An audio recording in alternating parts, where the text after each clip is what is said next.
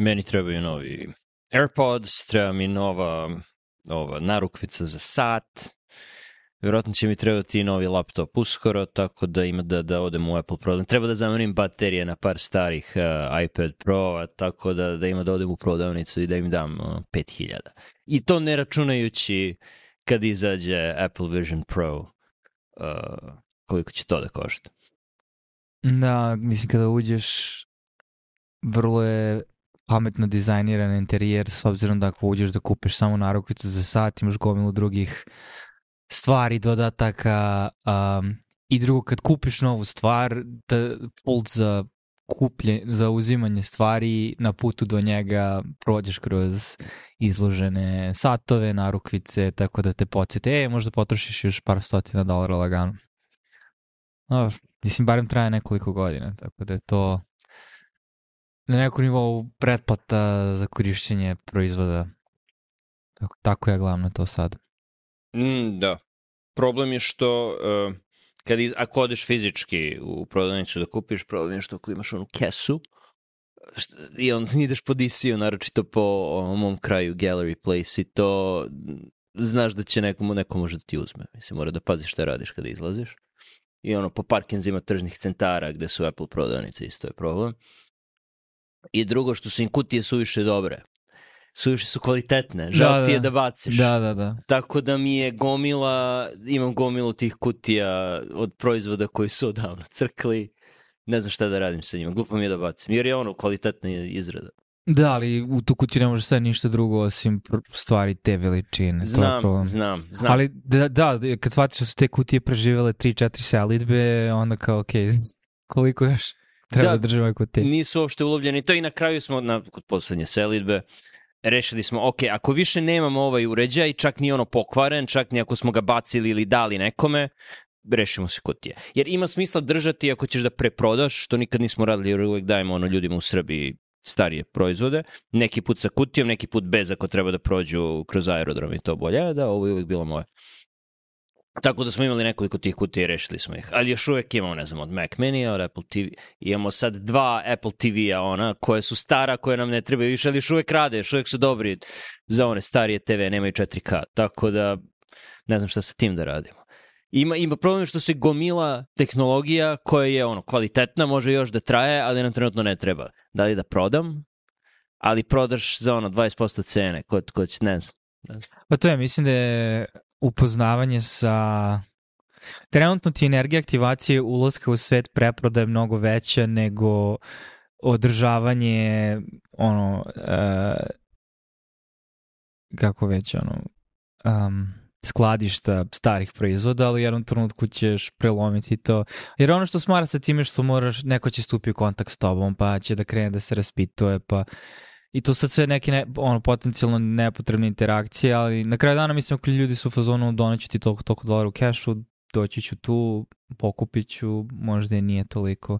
Mislim da je Facebook pokušao sa Facebook marketom da smanji malo taj um, deo društvenog ugovora gde ono kad treba da interaguješ sa potpunim strancima, naš mali oglasi nisu isto kao mali oglasi u Srbiji u smislu neko je okačio oglas u lokalnim novinama i to su ljudi koji možda čak i poznaju neke ljude koje ti poznaješ jer ste u istom gradu. Ovo su veliki gradovi sa mnogo društvenih staleža, tako da uvijek postoji taj neki moment da li ću da naletim na nekog čudnog i, i mislim da to isto, bare meni ono predstavlja barijeru kada treba nešto da preprodaješ. Ma da. Ili još više ako treba da kupiš nešto, znači to je još veće, ono kao hoćeš da kupiš, ne znam, polovan Xbox ili tako nešto. Odavno nisam ništa postavljao na Craigslist, niti kupovao sa Craigslista. I još kad smo se selili iz Baltimora, to je bilo pre sedam godina, tad sam poslednji put bilo šta postavljao i tad sam se rešio gomile stvari. Znači, PlayStation 3 sam prodao, neki kauč pre neko i, i to je bilo. Okay. Ali ni, ni to više nije isto kao što je bilo pre 7 godina. Tako, ne, ne znam. Craigslist, mada pretpostavljam, izgleda identično. Mislim da nisu menjali dizajn od, od 95. ili kao. A, za, zašto menjati kada je funkcionalan dizajn? Samo ti treba tekst i linkove. Ne, da, ne, ne znam da li ovo sad pokušaš da implikuješ možda da postoji subjektivni osjećaj i sad je pitanje koliko realni statistički podaci su dobri indikatori toga, s druge strane koliki postoji potencijalan lag, kako smo rekli na srpskom? Mm, Zaostajanje, Zaostajanje, zadrška, da. da. da. Um, da subjektivno postoji osjećaj da živimo u društvu koje je ono nižeg, ono low trust, znači nižeg nivoa poverenja sa strancima, gde, gde si sada na nekom nivou ako si u urbanoj sredini, um, barem moj neki unutrašnji kalkulus je da nasumična interakcija sa strancem nije uvek pozitivna. I to onda utiče na percepciju ljudi i generalno onda želju da interaguju, da budu delovi zajednice, onda je kao neka pozitivna povratna sprega koja vodi ka sve veće izolacije, a drugo potpomognuta time što ono, imaš sad aplikaciju, ljudi ti ostaje stvari ispred vrata, nemaš nikak, ne moraš da imaš skoro nikakve interakcije sa, sa, sa ljudima u toku dana ako ne želiš. Mada, mislim, i, na eBayu sam kupovao i eBay je okej, tako da kada bih prodavao nešto, ne bi mi Craigslist pao na pamet, stavio bih nešto na eBay. Da, pa eBay ima taj moment reputacije, zato što um, imaš ocene i, i imaju određen, ne znam Craigslist možda ima, nisam ja dugo bio, ali na eBay imaš ono osiguranje u smislu ako ti daju nešto pokvareno, znači možeš da dobiješ pare nazad i tako dalje. Ne, Craigslist je, je, čini mi se, potpuno anoniman, tako da ne, ne, ne, ne verifikuju ko postavlja. Zato je popularan za seks industriju i za druge, ono, Ne znam, nisam, nisam ilegalne industrije. Da. A ne moraš da konzumiraš nešto da znaš o tome, kao što su ono, nezakonite droge i, i to tako da, da, da. Ali postoji servisi koji će da ti, znam za telefone, vidiš, sad mi je palo na pamet, mogu, moram da proverim za Apple TV, za druge ne iPhone uređaje, uh, koji, rad, koji će otkupiti od tebe za ono, vjerojatno 80% ili 70% cene po kojoj bi mogao da prodaš u interakciji 1 na 1, ali ti smanjuje uh, moment verovanja i verifikacije, nego samo pošalju paket i u taj paket staviš šta imaš, pošalješ im i oni kad potvrde da, da radi, da je u onom, u onom stanju u kojem si rekao ili rekla da jeste, oni ti tad pošalju novac. Uh, Gazelle je jedna, ne znam da li još uvijek postoji, ali mislim najbolje, za, zašto Apple ne bi mo, zašto ne bih mogao da odem u Apple Store i da im kažem, evo imam dva Apple TV-a koji su starosti 3 do 5 godina, koliko možete da mi date za ovo? Pa ne, ali možeš da recikliraš kad kupiš nov, tako, tako te navuku. Ali jeste možda da recikliraš i šta dobiješ za tu Pa reciklažu? to ti kažem, da, to je ideja. Ne, oni, mislim, ovo ne moraju da recikliraju, može da, da mogu da refurbishuju, mogu da... ja da... sigurno mislim da oni ne recikliraju sve, nego pogledaju šta može da se refurbishuje onda ostalo recikliraju, jer verovatno dosta tih ploča i svih tih stvari može da se iskoristi znam. Ili barem kućišta, nemam pojma. Da, da. Ali za telefone daju novac, daju kredite. No. U stvari daju kredite za kupovinu drugih stvari Pa to, u Apple prodavnici. To, no. A i ti krediti nisu toliko dobri. Mislim, bolje prođeš onda ako prodaješ neko. Pa da, ali opet energija aktivacije. Kad Da. si već u prodavnici da kupiš nešto, lakše ti je da daš i evo, uzmite. Ali nekako nisam, razmišljao sam o tome, I, imam i te laptop, ne, ne menjam više toliko često, ali kad sam menjao, nisam nekako, ima ljudi koji kupe novi MacBook i onda ga koriste godinu, dve i onda preprodaju, kupe novi, preprodaju, kupe novi i stalno doplaćuju, ne znam, 200, 300, 500 dolara svakih par godina, ali to je, imaju stalno relativno nov laptop, ali uslov je da ga stalno prodaješ. I ono, mogao sam jer sam stalno čuvao kutije, ono, u relativno su dobrom stanju, ali nemam tu naviku ni mentalitet da kad kupim nešto, da ga preprodam. Možda bi trebalo da steknem tu naviku. Da, to, to prepoznam i u sebi. Mislim da jeste u pitanju navika i mentalitet.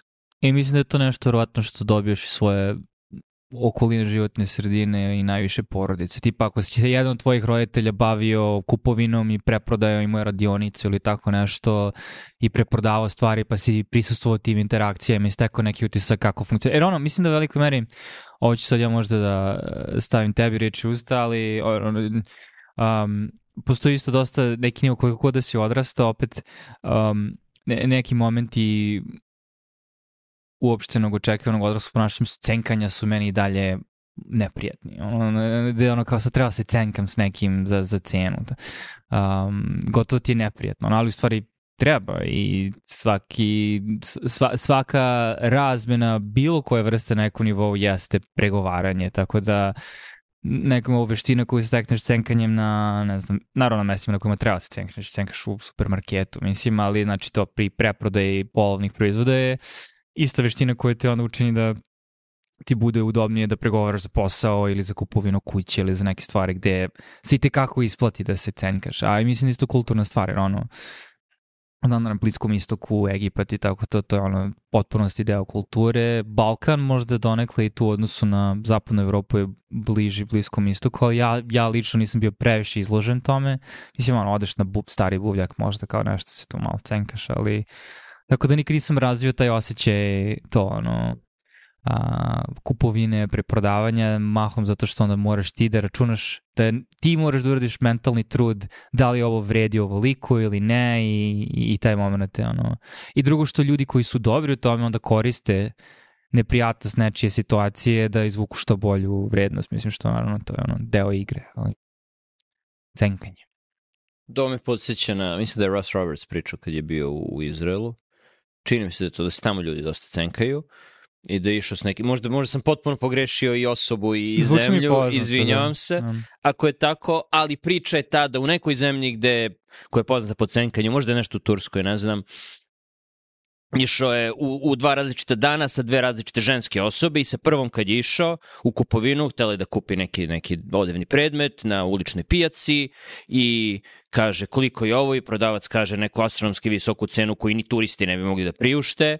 I on odgovori ona kao kaže ma daj daću ti. I onda kaže neku smešno nisku cenu koju ne bi dobio nigde i onda to traje ono 45 minuta i na kraju dođu do neke cene i ona kaže ok, ok i uzmu I onda nekoliko dana kasnije, ne znam, možda je godinu dana kasnije, ne znam koliko, sa drugom ženskom osobom koja išla da kupe odini predmet na isto toj pijaci, nekod istog prodavca, kao koliko je ovo i onda prodavac da to astronomsku visoku cenu i onda žena kaže ne, stvarno, koliko je?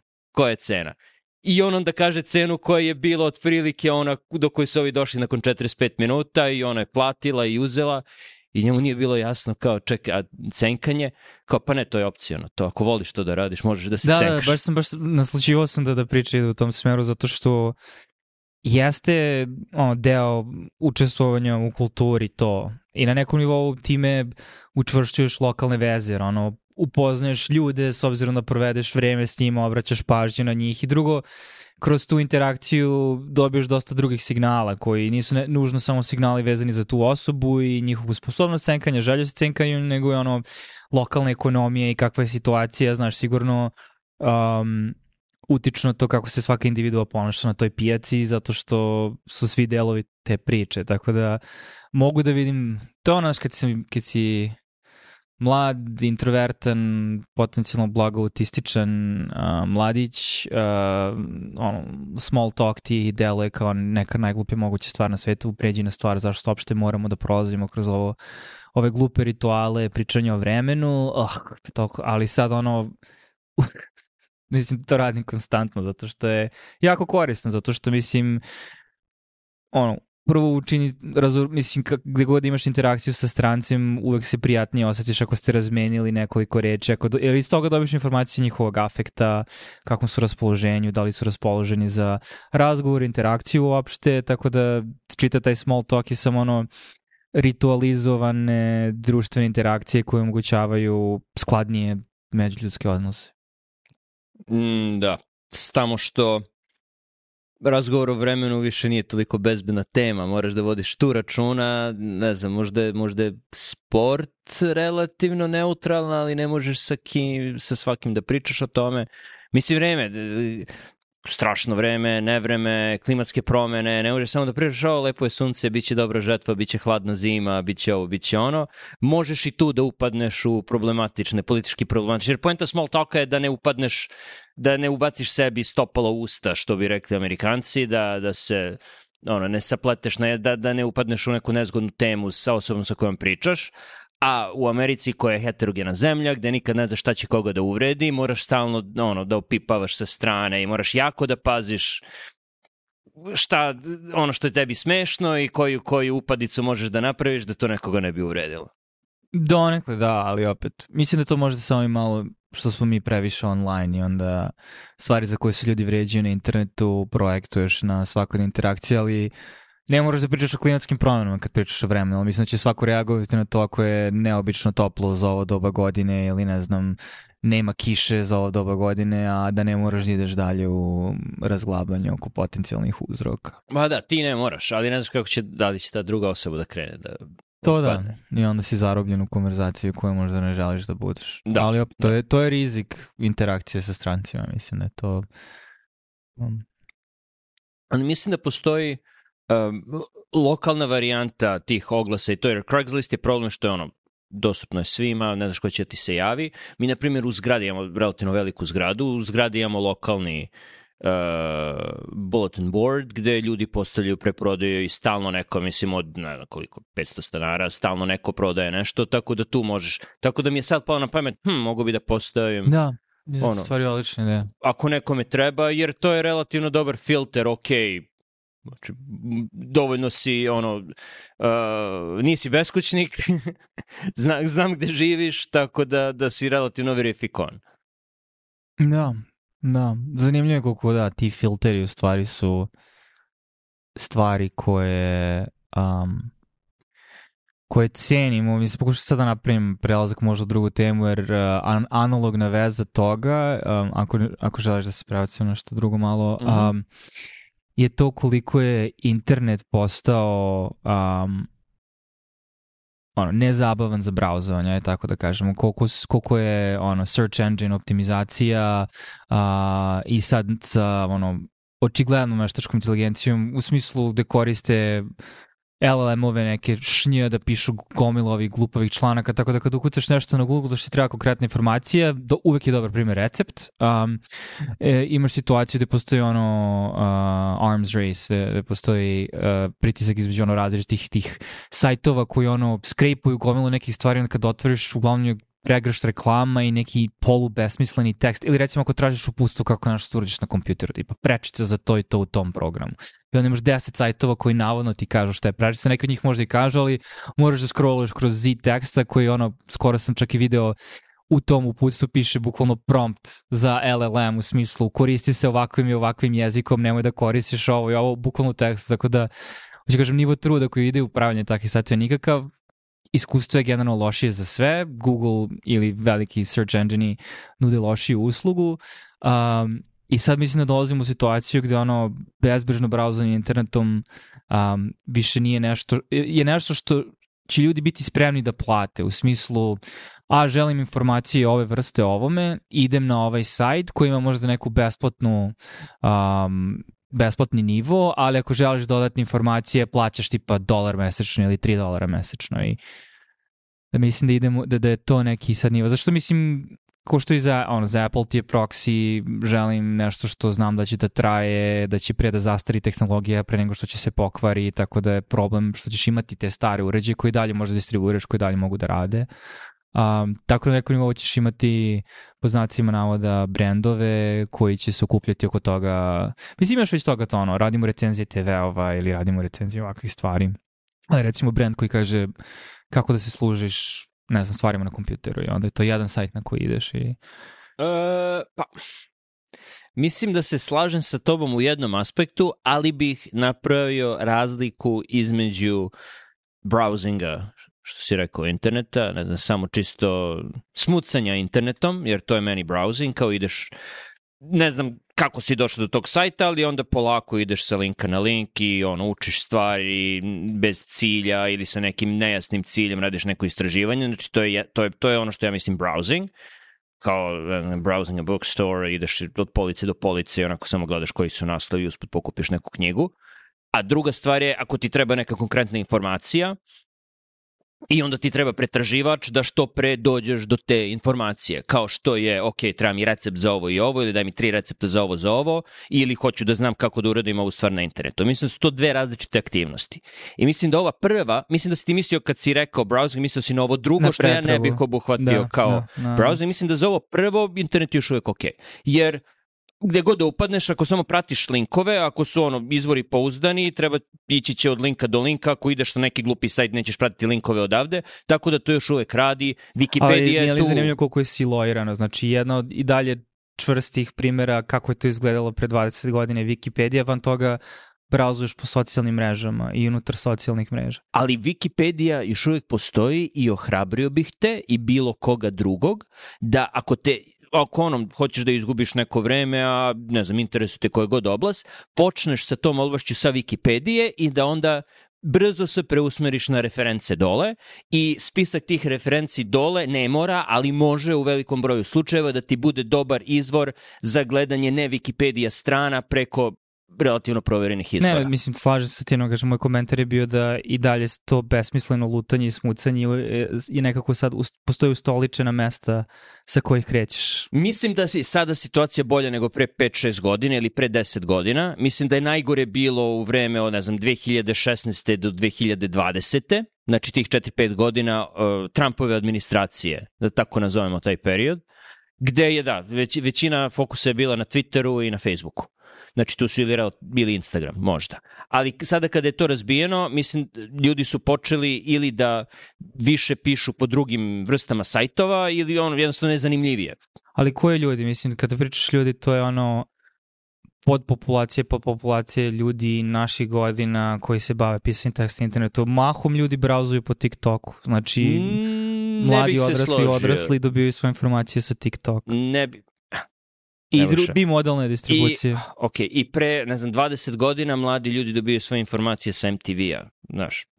I, a pre, pre 10 godina mladi ljudi dobiju svoje informacije sa Twittera. Okay, a za sve to vreme to mladi, znači da, ali uvek postoji subpopulacija koja će objavljivati stvari na drugim, drugim metodama i ako te interesuje internet, gledaj to. Mislim da nikad neće postojati, nikada se neće desiti da, ne znam, svako ima svoj sajt koji uređuje, kurira, međusobno se povezuju i online život je potpuno paralela fizičkom životu. To se neće desiti. Uvek postoji subpopulacija cele cele ono, zemaljske kugle koje će na taj način pisati i povezivati se. To će uvek biti podgrupa podgrupe.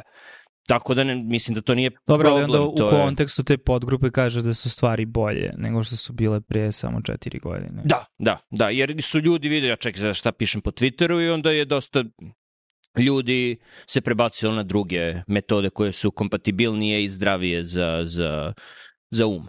Ok, sad je vreme da plaguješ mikroblog. Ne, ne, ne, to sam mislim u redu. Znači mogu ljudi da nađu kako god hoće.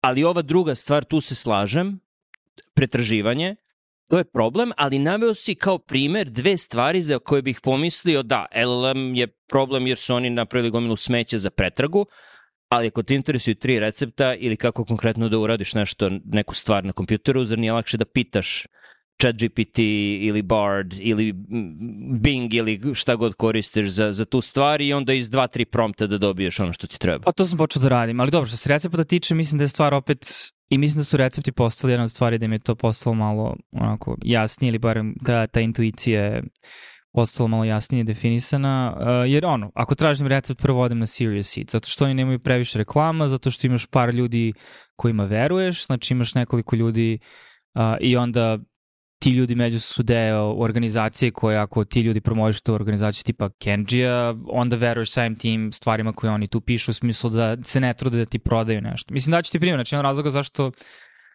Kenji je toliko mislim, meni prijemčiv je zato što nikada nema sponzorstva. Mislim što je čovjek pametan, što zna da ono što nudi svetu nije ja sam poznata ličnost koja a, pokušava da kroz recepte isto promoviše svoj brand, nego ja sam profesionalni kuvar i imam dovoljno ono sujete ili samopoštovanja da to bude jedina primarna stvar po kojoj sam poznat, tako da sve ostalo je downstream od toga. Tako da ako preporučim neki proizvod, to će biti proizvod koji ja koristim i reći ću da postoji alternative i skuplje jeftinije. I drugo, primarno želim da vi održite poverenje u mene kao osobu, jer ono na kraju dana on prepiše svoje knjige, pravi svoje knjige, ti ideš na njegov kanal i tako dalje. Jer sam skoro baš gledao neki drugi kanal gde je lik koji se bavi ono roštiljama, ono, pitmaster ili šta god, gde ono, 80% kontenta u toj epizodi, pogotovo kada ono, koliko stvari možeš na roštilju da napraviš a da bi bio kanal na YouTube-u koji postuje ono jednom nedelju. Znači, on trutku to postane Wagyu beef, umutanu slaninu, znaš, kao trošimo 5000 dolara sa onim screenshotovima, onim thumbnailovima koji su ono nenormalno drečavi i onda imamo svoj brand, svoje, svog spice ruba, svog ovoga, svog onoga i onda sve postane podriven u tome i onda nekako samim tim si, uh, ok, ono, ovo je, ne. ne verujem toj osobi. Tako da mislim da ljudi a, prave tu kalkulaciju, mislim, napravio sam digresiju, hoću kažem, za recepte, par meni je sad ono, imam par tih filtera po znacima navoda, a to je ono, kao koji, kojim ljudima veruješ, onda gledaš šta oni pišu, a ne sad na Google nasumično. Ali GPT je ok za keyboard shortcutovi, to sam ne znam da bi mu verovao baš za recept, ono, Zato što ti ne, ne, ne možeš ti ni objasni previše zašto je nešto uradio. Nisi 100% siguran da li je to halucinacija koju on, ono, um, Mislim, za bazične stvari da, ali recimo hoću da naučim da fermentiram nešto i sad uh, želim da ga pitam, no. razumeš kako da debugujem nešto, a u, u Sirius Cities ima si članak onda se rekli na pet načina smo uradili ovo i sa ovim promenljivama rezultati su ovakvi. Mm. E, vidiš, nadam se da će ishod konačni, nadam se vjerojatno neće biti, ali nadam se da će konačni ishod biti da ljudi počnu više informacija ponovo da dobijaju iz knjiga. knjiga. Ne, slažem se. Mislim da je to, da je to ono watershed moment sada, da će biti pouzdani izvori i onda primarni izvori. Da. da. Jer tebe interesuje fermentacija. Ako te površno interesuje fermentacija, ne planiraš time da se baviš, mislim, chat GPT, zašto ne, ili neki članak, mislim, ok. Ali ako stvarno hoćeš time da se baviš, a nećeš da ubiješ nekoga, sebe, ljudi koji jedu ono, onda treba da ono, budeš ozbiljan po tom pitanju i da pročitaš knjigu o tome, makar knjiga imala ono 50 strana, možda neki sam izdat na Amazonu, možda, ali da, da bude nešto provereno što ima ono, reviewove, komentare ljudi, tako, tako da, da mislim da su, da su knjige generalno, za, to za te veštine, YouTube kanali i knjige. To se to kažem, i video format je jako prijemčiv za stvari gde su ti bitne veštine, tako da recimo taj model koji Kenji koristi mislim da je jako dobar. Znači imaš seriju knjiga o različitim stvarima gde je to mnogo ono, distilirano, znači mnogo brže dođeš do informacije, ne moraš da gledaš klip od 40 minuta i da premotavaš nego pogledaš recept, ali pogotovo za početnu fazu sticanje samih veština, razvijanja osjećaja, kako raspoređujem stvari oko sebe, znaš kako to izgleda u prostoru, koji su to zvukovi, mislim da video format ti daje mnogo više informacija, barem kada ono tek razvijaš te veštine, tako da ima neki zdravi balans između ta dva koji će verovatno biti koristan u budućnosti, barem što se tiče toga hobija i stvari, novih stvari koje želiš da saznaš ili naučiš. Da, i u, i u tom smislu, misliš, šta očekuješ onda da nađeš slepom pretragom interneta na Google za, za tako nešto, ako, ako već znaš da ono, za recept ideš na Serious Eat. Zašto bi primano otišao negde drugde? Pa da, ali desilo se u prošlosti dok nisam napravio tu naviku da bih ukucao, ne znam, recept za to i to i tipa, ne znam, kupio sam svinski vrat sa kostima i kao recepti za pravljenje toga i onda ti otvori, ne znam, onaj, uh, še ne znam koji su ono, nije Appetite ili nešto. Ima Epicurious. Epicurious, da, ima par tih nekih. Ima sajtova koji su agregiraju postali, da, korisničke da. recepte, da, da. koji su nekada bili korisni, ali onda su ljudi postali, počeli da postavljaju ono, potpuno smešne recepte koji su beskorisni. Da, tako da ono, opet tu mnogo više energije treba da utrošiš da isfiltriraš da li je ovo korisno ili ne i onda stvar koja je isplivala iz toga da onda imaš jedan izvor kojem veruješ ili nekoliko izvora kojem veruješ to ti je prva stvar, pa tek onda ako nema recimo nečeg specifičnog onda tražiš drugde. No. Da. I to je situacija sa većinom stvari. Mislim, da, no. Da. da li postoji neko polje gde, gde bi primarno sada, osim po navici, e, otišao na Google da, da pretražuješ? Ta bi, ako, ako hoćeš neku ono, naučnu literaturu, otiću na PubMed, Uh, nadam se da ću za par meseci, kao što smo prošli put pričali, mogu da ubacim sve svoje PDF-ove i tu da postavim pitanje i tako da uradim počnu pretrgu literature.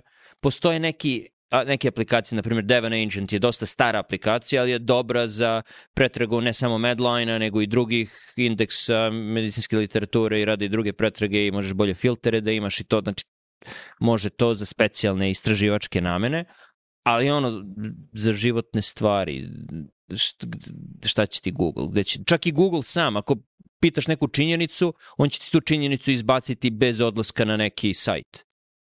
A to je, mislim da smo isto u, što kroz agregaciju sadržaja, što kroz...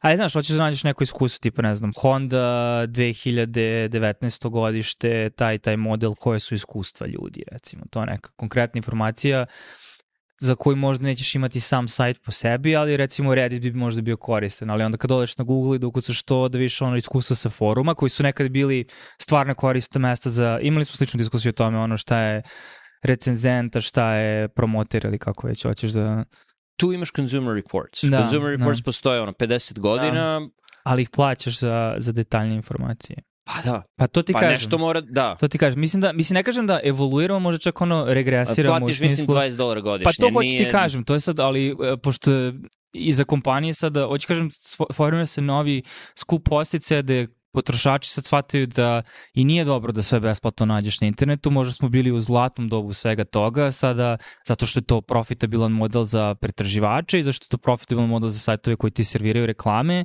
zaprljali su tu vodu i sada se vraćamo na to da ono, plaćaš consumer reports da bi gledao kvalitete proizvoda, kritike, recenzije i tako dalje. Da, i generalno znam da se dosta ljudi u Srbiji, ljudi koje znam bave SEO, Search Engine Optimization, mislim da je to mislim gori posao, te to, to je ekvivalent, ne znam, rekao bih đubretara, digitalnog, ali ne, đubretari rade društveno korisni rad. Znači, ne znam koji bi fizički ekvivalent bio SEO optimizator, neki pimp, makro, ne, ne, ne, ne znam koji je, ali je, nije dobra profesija generalno i, i SEO je potpuno, uh, ono, trka do dna i mislim da smo došli do dna. Mislim da smo došli do dna i da taj posao je postao apsolutno besmislen i da ljudi više neće ni ići na, na Google za te stvari. Mislim da je to generalno ono čega se Google plaši. Pa da, da, i zato i oni ne razvijaju toliko, mislim to je sad ono komentar verovatno, koliko ima istine u tome, ali nisu ni toliko jurili u razvijanje um, jezičkih modela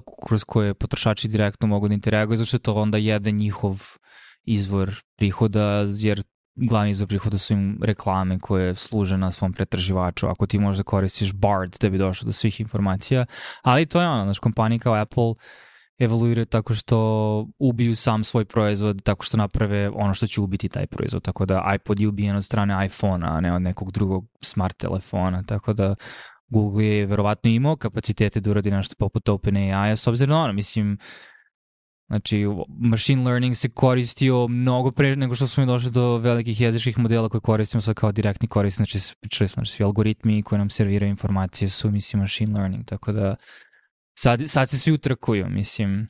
I tu možda ona maska je pametno jer ono, čak i da Twitter pukne što se tiče um, sponzori sada pritisaka koje prave ono, Disney, šta ti je znao zbog ono, antisemitizma na, na, navodnog. Um, on može koristiti ceo Twitter kao ono, trening za, za, za, za neki spicy language model. Uh, ne bih, ne bih uh, masku davo toliku inteligenciju uh, po onome što je sad pokazao. Ne, ne znam, uvijek može da kaže da, njegove može da uradi s šta hoće. Da, uradio je dosta korisnu stvar, ubio je Twitter, to je super. Da li misliš da je ubio Twitter? O da, o da. Mislim, mislim da je... Uh, o, što, Ali što da li je nešto više... novo izašlo što je zamenilo Twitter? Ne, neće okay. ništa zameniti. Pričali smo Ali o tome. da li je Twitter mrtav? Da li je, mislim da je Twitter, ono, uh, nije mrtav, ali je neživ. Pričali smo o zombijima, mislim da je ovo zombi Twitter. Mislim -hmm. da, da se sastoji iz... Uh, još uvek ima ostatke, znači centre iz različitih delova, ne znam, NBA Twitter, Med Twitter, ovaj Twitter, onaj Twitter, sve su to, ono, ocekao si živini glavu i ono još uvek neko vreme tako šeta i nije ni, ni mrtva ni živa, mislim da je to, da je to Twitter sada i da, da nema uh, nema ni tu, ni, ni tu um, vrednost ne donosi dodatnu korist ljudima, korisnicima, koji je nekada donosio u povezivanju različitih profesija, različitih slojeva, da svi budu na istom nivou, to u nekom smislu bilo korisno, u istom smislu, u, u istom smeru ne donosi ni toliko štetu ljudima, što povezuje sve sa svim. Da, ne, mislim, nemam, nemam dovoljno dobar utisak o tome koliko je Mislim, bila je velika migracija i definitivno određen deo funkcionalnosti se izgubio, ali ne znam da baš mogu da sudim da se neće nikada vratiti ili da, da je razlog tome što je Musk kupio Twittera, ne recimo što generalno pritisci, mislim pričali smo znači kako, kako se zove ovaj Fiat News, je li tako? Ili šta? No, Epsilon Theory. Epsilon Theory, da. Fiat News. Mislim da je ono, svaki sadržaj koji sad čitaš nije, nije, nije ono lično iskazivanje nečeg stručnog mišljenja, nego je ako je došlo do tebe, pogotovo ako je došlo do tebe kroz algoritam, bio plaćen da bi došlo do tebe, te samim, to, samim tim to formira postice da te mreže više nisu mreže za realnu razmenu informacije, nego za ono promovisanje ideja ili pogleda na svet za koje a, kogod ti daje pare da promoviš te poglede, mislim, želi da ljudi razmišljaju o tim stvarima. Hoće kažem, dosta griftera ima na Twitteru koji su nazovi ljudi, Da, ali su totalno vidi da ono su tu da zastupaju neki pogled na svet, da. ne Da. kažem propagandu, mislim. Ne, mislim da je to, u tome jeste, od, od, odlično si to rekao. Mislim da je 95% Twitter, 95% sadržaja na Twitteru je grift. E, I sve više i više ljudi, jer je Musk napravio to, da, mi ćemo zajedno da monetizujemo vaš sadržaj, je grift ljudi koji su tu da bi zaradili pare na Twitteru od ljudi koji koji čitaju njihov sadržaj na Twitteru. Znači sve se to i, i onda je to hiperoptimizovano za, za grift. Grift mašina. Nekada si imao ljude koji zarađuju pare na drugi način i onda usput dele svoje misli. Tako, ono što su blogovi uvek bili, zato i preuzeo toliko tržište blogova, ali se sada pretvorio u neki amalgam malo toga, ali u stvari hoćemo da budemo substack i u stvari hoćemo da zarađujemo na tome. I onda svi oni najveći postovi i ono sve što se stavlja u prvi plan su, su grifteri. Su ljudi koji, uh, ono imaš dugački ili threadove, sad su dugački tekstovi koji se završavaju linkom ka njihovom Patreonu ili Substacku ili seriji predavanja ili sam izdat elektronskim knjigama ili drugim metodama, online kursevima ili drugim metodama kojima možeš da im daš novac. Tako da, da, da je to, glavni, u, to se Twitter pretvori. Znači, stranci na Twitteru nisu stranci s kojima možeš da imaš small talk zato što nisu pravi ljudi. Kušam da zatvorim priču, pošto smo krenuli ono u nekom smeru ali kao, u čemu je suština. Da, ne znam, mislim da taj nadsloj tehnologije kroz internet um, ima mnogo izazova čije eksternalitete o- ovoga su se dosta često doticali. Um, ne možemo da predvidimo i onda svaki put kad ubaciš neki novi podsticaj, to ima neko sistemsko sis- dovodi do sistemske promene koje onda na nekom nivou nosi sa ovom negativne posledice koje potencijalno onda urušavaju inicijalnu ideju zašto je taj sistem uopšte i postojao i ali to ono, da li to sad samo ogledalo Twittera i, i, i način na koji njegovo rukovodstvo radi, mislim to je definitivno glavni deo toga jer su to definitivno odluke koje su oni donosili, ali na nekom nivou sve je grift. Mislim, na sv- svim društvenim mrežama ljudi pokušavaju da monetizuju promovisanje stvari i privlačenje pažnje ljudi. Mislim, um, tako da, su populacije, su populacije ljudi koji neumorno pišu na svojim uh, blogovima, ovaj, oni su poslednja linija odbrane uh, miljko.net. Ne, mislim, to si ne i, i ne bih se složio jer imaš na primjer Tumblr, ko, ko pokušava bilo što da moneti- monetizuje na Tumblru?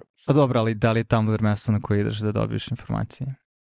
Ali ti stalno pričaš o dobijanju informacije. I šta dobijaš? Zašto, zašto ljudi koriste Tumblr? Koja je svrha Tumblra onda? Zabava. Mislim, Ok. ljudi su na internetu uglavnom zbog zabave, ne zbog informacija. No, no. da, mi, da li bilo ko ide na Twitter da bi dobio informacije, ako idu, nadam se da, da će uskoro naći bolji dobro, izvor mislim, informacije. koja je svrha, da, koja je svrha? Koja je svrha je zabava. No. I svrha je ono što misliš, ok, idem da se informišem, ne. Ne, ako ideš na Twitter da se informišeš, ne ideš da se informišeš, ideš da se zabaviš. Ako hoćeš da se informišeš, pročitaj knjigu.